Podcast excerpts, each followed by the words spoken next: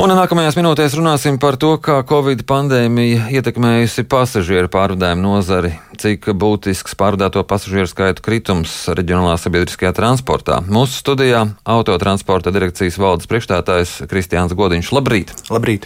Mēs abi esam vakcinēti, un līdz ar to mums ir iespēja sarunāties klātienē. Cik būtisks ir kritums reģionālā sabiedriskajā transportā?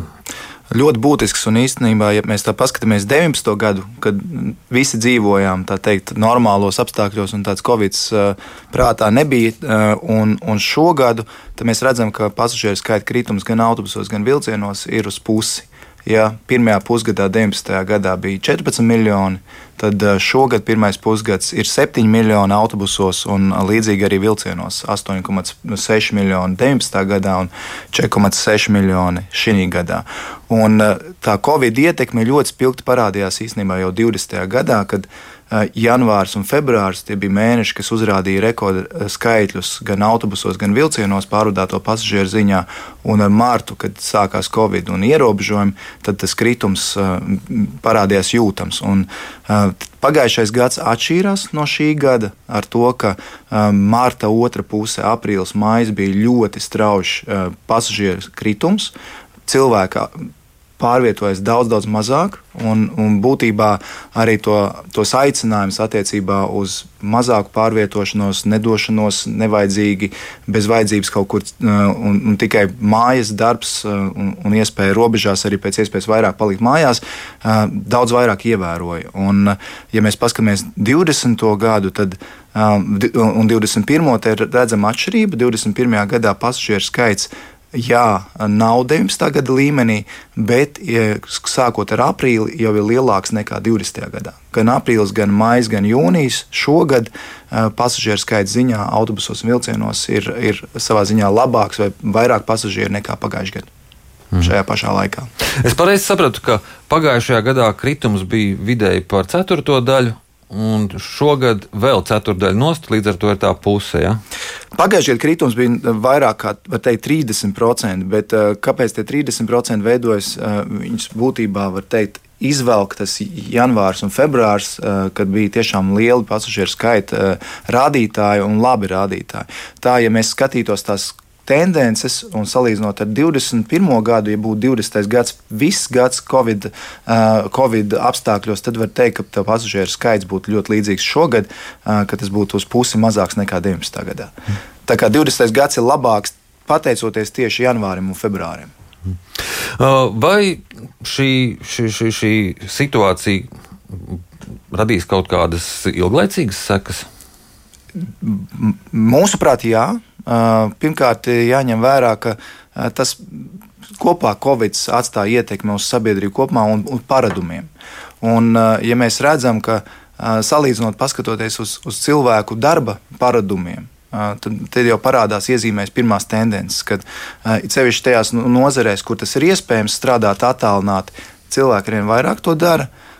Ja 19. gadā tās tendences tā parādījās, bet viņas parādījās vairākos tādos piemēram, IT segmentos, kur, kur tiešām tas fiziskais klātiens būšana ir mazāk aktuāla, tad šogad jau redzams, ka arī daudzas citas nozeres veido tādu principu, ka, piemēram, ir divas dienas darbs uz vietas darbā, trīs attālināt mājās vai trīs dienas klātienē, divas attālināt. Un to mēs redzam arī pasažieru plūsmās. Ļoti labi parādās, ja mēs panelizējam nedēļas, tad var redzēt, ka otrdien, trešdien pieņemsim, ir lielāks pasažieru skaits, un pēkšņi trešdien tajā pašā laikā vai ceturtdien ir mazāks.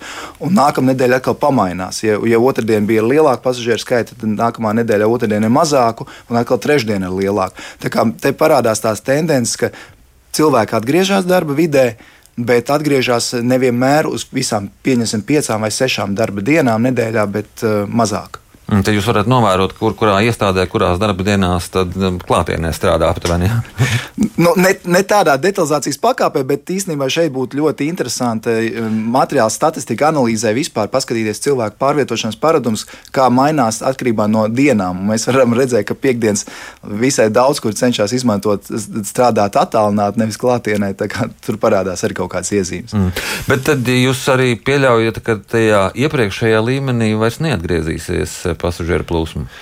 Negribētu uzreiz teikt, ka nesasniegsim to 19. gada līmeni. Tādi riski pastāv, bet uh, te ir atkal otra puse. Ja kvalitāte, pakalpojumu kvalitāte aug, tad mums jā, jāņem vērā, ka ir ļoti daudz uh, cilvēku, kas pārvietojas privātiem auto.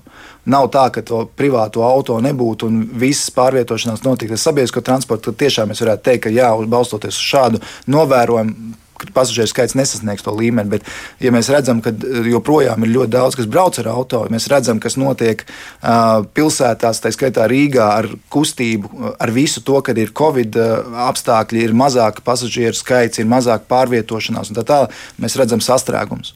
Tas nozīmē, ka tā, tā automašīnu skaits ir ielās kļuvis krietni, krietni lielāks. Un, uh, ar visu to, kā ir veidot arī satiksmes organizācija pilsētās, viena daļa izvēlēsies sabiedrisko transportu, nevis sēdēt korķos. Un, un ja mēs ņemam vērā, ka nākamā gada otrā pusē gaidām jaunie elektrovilcieni pirmie, un ar 23. gadu jau pilnvērtīgi visas līnijas, tad uh, gribētos domāt, ka viena daļa arī pārsēdīsies uz vilcieniem, ceļš tuvā pierīga, kas ir tādā aktīvāka arī uz pārvietošanos. Uh, sakarā ar šo kritumu, cik, daudz, cik liels atbalsts ir saņemts no valdības?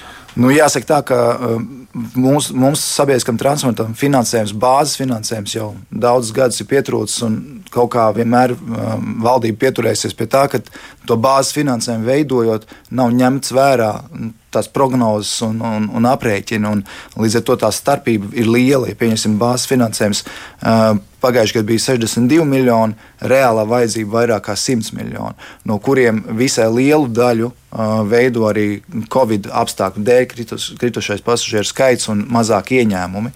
Un, ja mēs skatāmies arī 22. gadu mūsu prognozes, kad vajadzīgais apjoms būs 103 miljoni, lai nosaktu visus zaudējumus, kas saistīti ar autobusu pārvadājumiem, vilcienu pārvadājumiem, pilsētu pārvadājumiem, kur iesaistās valsts, tas ir pirmās, otrās grupas invaliditāte un maršruti, kas iziet ārpus pilsētas administratīvām robežām.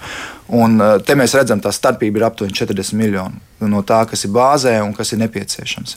Kā, un, un pusi, vismaz pusi no tā veido Covid ietekmi. Covid ietekme aptuveni pusi. Aptuveni pusi no tā, kas trūkst tā iztrūkstošā daļa. Tad, tad ja mēs skatāmies, tā iztrūkstošā daļa ir aptuveni 40 miljoni, tad Covid ietekme svārstās ap 15 miljoniem, 15, 17 miljoniem. -hmm. Starp citu, kā ir ar Covid prasību ievērošanu autobusos? Esam gājuši cauri visam ciklam, esam gājuši cauri ciklam, kad uh, parādījās pirmās prasības par maskām. Tad viena daļa lietoja, citi skatījās uh, izbrīnīt uz tiem, kas lietoja.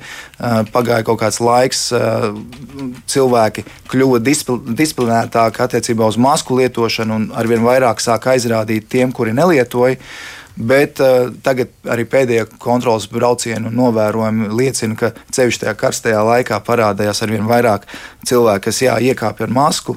Uh, bet pēc tam tā maska vai nu tiek novilkta uz zoda, vai, vai, vai vispār noņemta nost. Un, un te parādās jau sāk parādīties arī diskusijas, iespējams, ļaut tiem, kas ir vakcinēti, uh, atrasties sabiedriskā transportā bez maskas. Uh, un uh, tie, kas nav vakcinēti ar masku. Bet, nu, tas ir jautājums, kas ir jārunā jau ar SPKC un Veselības ministriju. Mm -hmm. Vakar parādījās ziņa par to, ka saslimušu šoferu dēļ uh, nav izpildīti vairāki reisi. Uh, vienā maršrutā. Tāpēc līdz ar to rodas bažas, eh, vai tiešām vienkārši saslimuši, vai tas nav Covid gadījums. Nomierināšu, eh, šis nav Covid gadījums. Ir bijuši arī Covid gadījumi, kur šofērs, protams, līdz ar to līnijā neiet un, un reis, reisu izpildi tiek uzticēta citam, bet šī gadījumā tas vairāk saistīts ar, ar laikapstākļiem, kur tiešām mums ļoti nerakstīgi Latvijai ilgstošs karstums, kondicionieris un ilgstoši sēžot autobusā un ventilējot gaisu un arī kondicionējot gaisu, šoferi arī apslimuši. Tas, ko mēs esam vērsušies pie uzņēmumu vadītājiem, ka norautiem reisiem tam vajadzētu būt galējam. Uh, risinājumam ir jāmeklē citi risinājumi, kaut vai sadarbībā ar citiem pārvadātājiem, jo uh, ir svarīgi, lai sabiedriskais transports būtu regulārs un uz cilvēku to var paļauties. Un uh, šeit ir jāņem vērā tiešām arī tas, ka nu, ne, pārējie, kuriem vajag braukt, viņi īsti līdz galam nesapratīs, kāpēc uh, pakalpojums netiek nodrošināts. Jā, šofers saslims, meklējiet citu vietā. Tas ir aicinājums arī uzņēmumiem uh, šī gadījumā reaģēt, meklēt sadarbību ar citiem uh, un, un iesaistīt, lai pakalpojums tiktu nodrošināts. Uh, šoferi cik plaši ir vakcinēti? Jāsaka tā, ka tāda precīza statistika uz šo brīdi mums vēl nav. Veiksim arī sarunas ar uzņēmumiem, skaidrosim to situāciju, ņemot vērā to, ka mums bija visai aktīva diskusija ar veselības ministriju par masku lietošanu autobusu vadītājiem. Tad kā viens no variantiem tika apspriests, ka tie, kas ir vakcinēti, mm. tad attiecīgi masku var nelikt. Un, un tas ir savā ziņā kaut kāds arī atvieglojums. Arī cilvēkiem jāņem vērā, ka šoferi mums ir vidējā vecumā virs 50 gadiem. Un, uh, Es teiktu, ka tas vakcinēto īpatsvars ir lielāks nekā vidēji sabiedrībā, bet tie nav nedz 80, ne 90%. Bet uh, precīzāk informāciju es pieļauju, ka mēs varēsim pēc kaut kāda laiciņa dabūt. Līdzīgi kā mediķiem būs 70%. Es neņemos uzreiz apgalvot, ka 70% man nedaudz pārsteidz mediķu procents, ko es dzirdēju arī, ja, bet uh, es pieļauju, ka varētu būt uh, mazāk, bet uh, vairāk nekā vidēji sabiedrībā tas ir. Jo, jo paši arī šoferi atzīst, ka viņi uztraucās, ka viņi var uh, saslimt, ņemot vērā arī to pasažieru kustību, kas notiek. Kāda, kāda, ir situ, kāda ir politika uzņēmumos? Tur prasa obligāti vai neprasa? Šobrīd neesmu dzirdējis, ka būtu prasības par obligātu. Uzņēmumi pieeja dažādi. Ir uzņēmumi, kas organizē kolektīvo vakcināciju, kad uh, tiek uh, veikta, veikta, dot iespēja šoferiem uz vietas, uh, arī personālam uz vietas, ne tikai šoferam, bet arī personālam, kas strādā uzņēmumā, vakcinēties.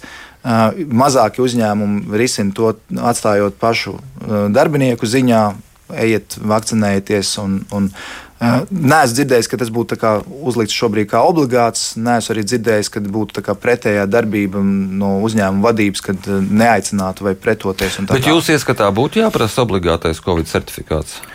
Es teiktu, ka uh, tam jābūt būtu jāatstāj brīvprātīgai izvēlei, bet tam vairāk vajadzētu strādāt pie skaidrošā darba, jo runājot ar cilvēkiem, nereti rodas jautājumi, Eh, uz kuriem gribētos eh, daudziem saņemt atbildes. Vienkārši redzēt, to pašu eh, pārslimošanas sarežģītību starp vakcinētiem, nevakcinētiem, saslimšanas riski, komplikāciju riski. Un tādā brīdī cilvēkam ir vieglāk arī pieņemt izvēli. Tā skaitā tas pats jautājums par vakcīnām. Atceramies, kāda bija arī Astrai Zenekai reputācija un, un, un attieksme sabiedrībā un tā tālāk. Tā tas viss ir atstājis kaut kādu ietekmi. Un, un te būtu svarīgi, lai, lai, lai būtu tā pēc iespējas skaidrāka un plašāka informācija. Otra lieta, ja mēs aiziesim uz obligāto vakcināciju, tad parādās otrs risks, um, kas, kas pieļauj, ka arī citās nozarēs, bet uh, pasažieru pārdēmu nozarē mums ir uh, salīdzinoši gados vecāki arī šoferi, un arī tā nomaiņa nav tik strauja. Un tad brīdī, ja būs obligātā vakcinācija, var būt arī situācija, ka, ka vienkārši viena daļa aiziet prom no darba, un, un šeit parādās tas risks par pakalpojumu nodrošināšanu.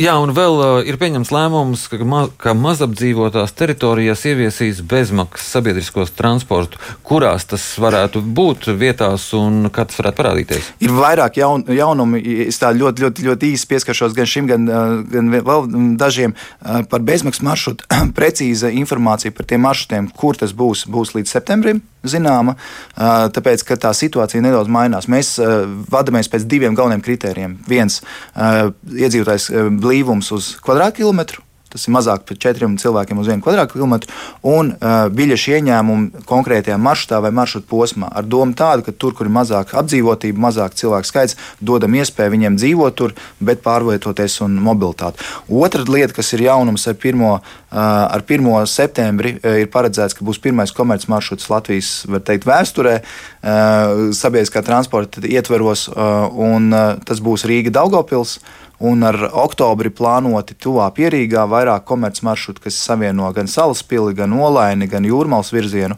Un pavisam, pavisam vēl nesen ir, ir jauna lieta, ir ar, ar jūliju stājusies spēkā iespēja vēl vienai kategorijai braukt sabiedriskā transportā ar mazāku uh, maksu. Tas skar uh, tās ģimenes un tos pieaugušos, kuru ģimenēs uh, ir bērns vai bērns ar invaliditāti. Un šajā gadījumā, ja ir goda ģimenes karte, tad vecākam pat nepavadot bērnu. Ir, ir atlaide 50%. Jā, man jāsaka jums paldies par šo sarunu. Atgādinu, ka mūsu studijā bija autotransporta direkcijas valdes priekšsēdētājs Kristiāns Godiņš. Paldies!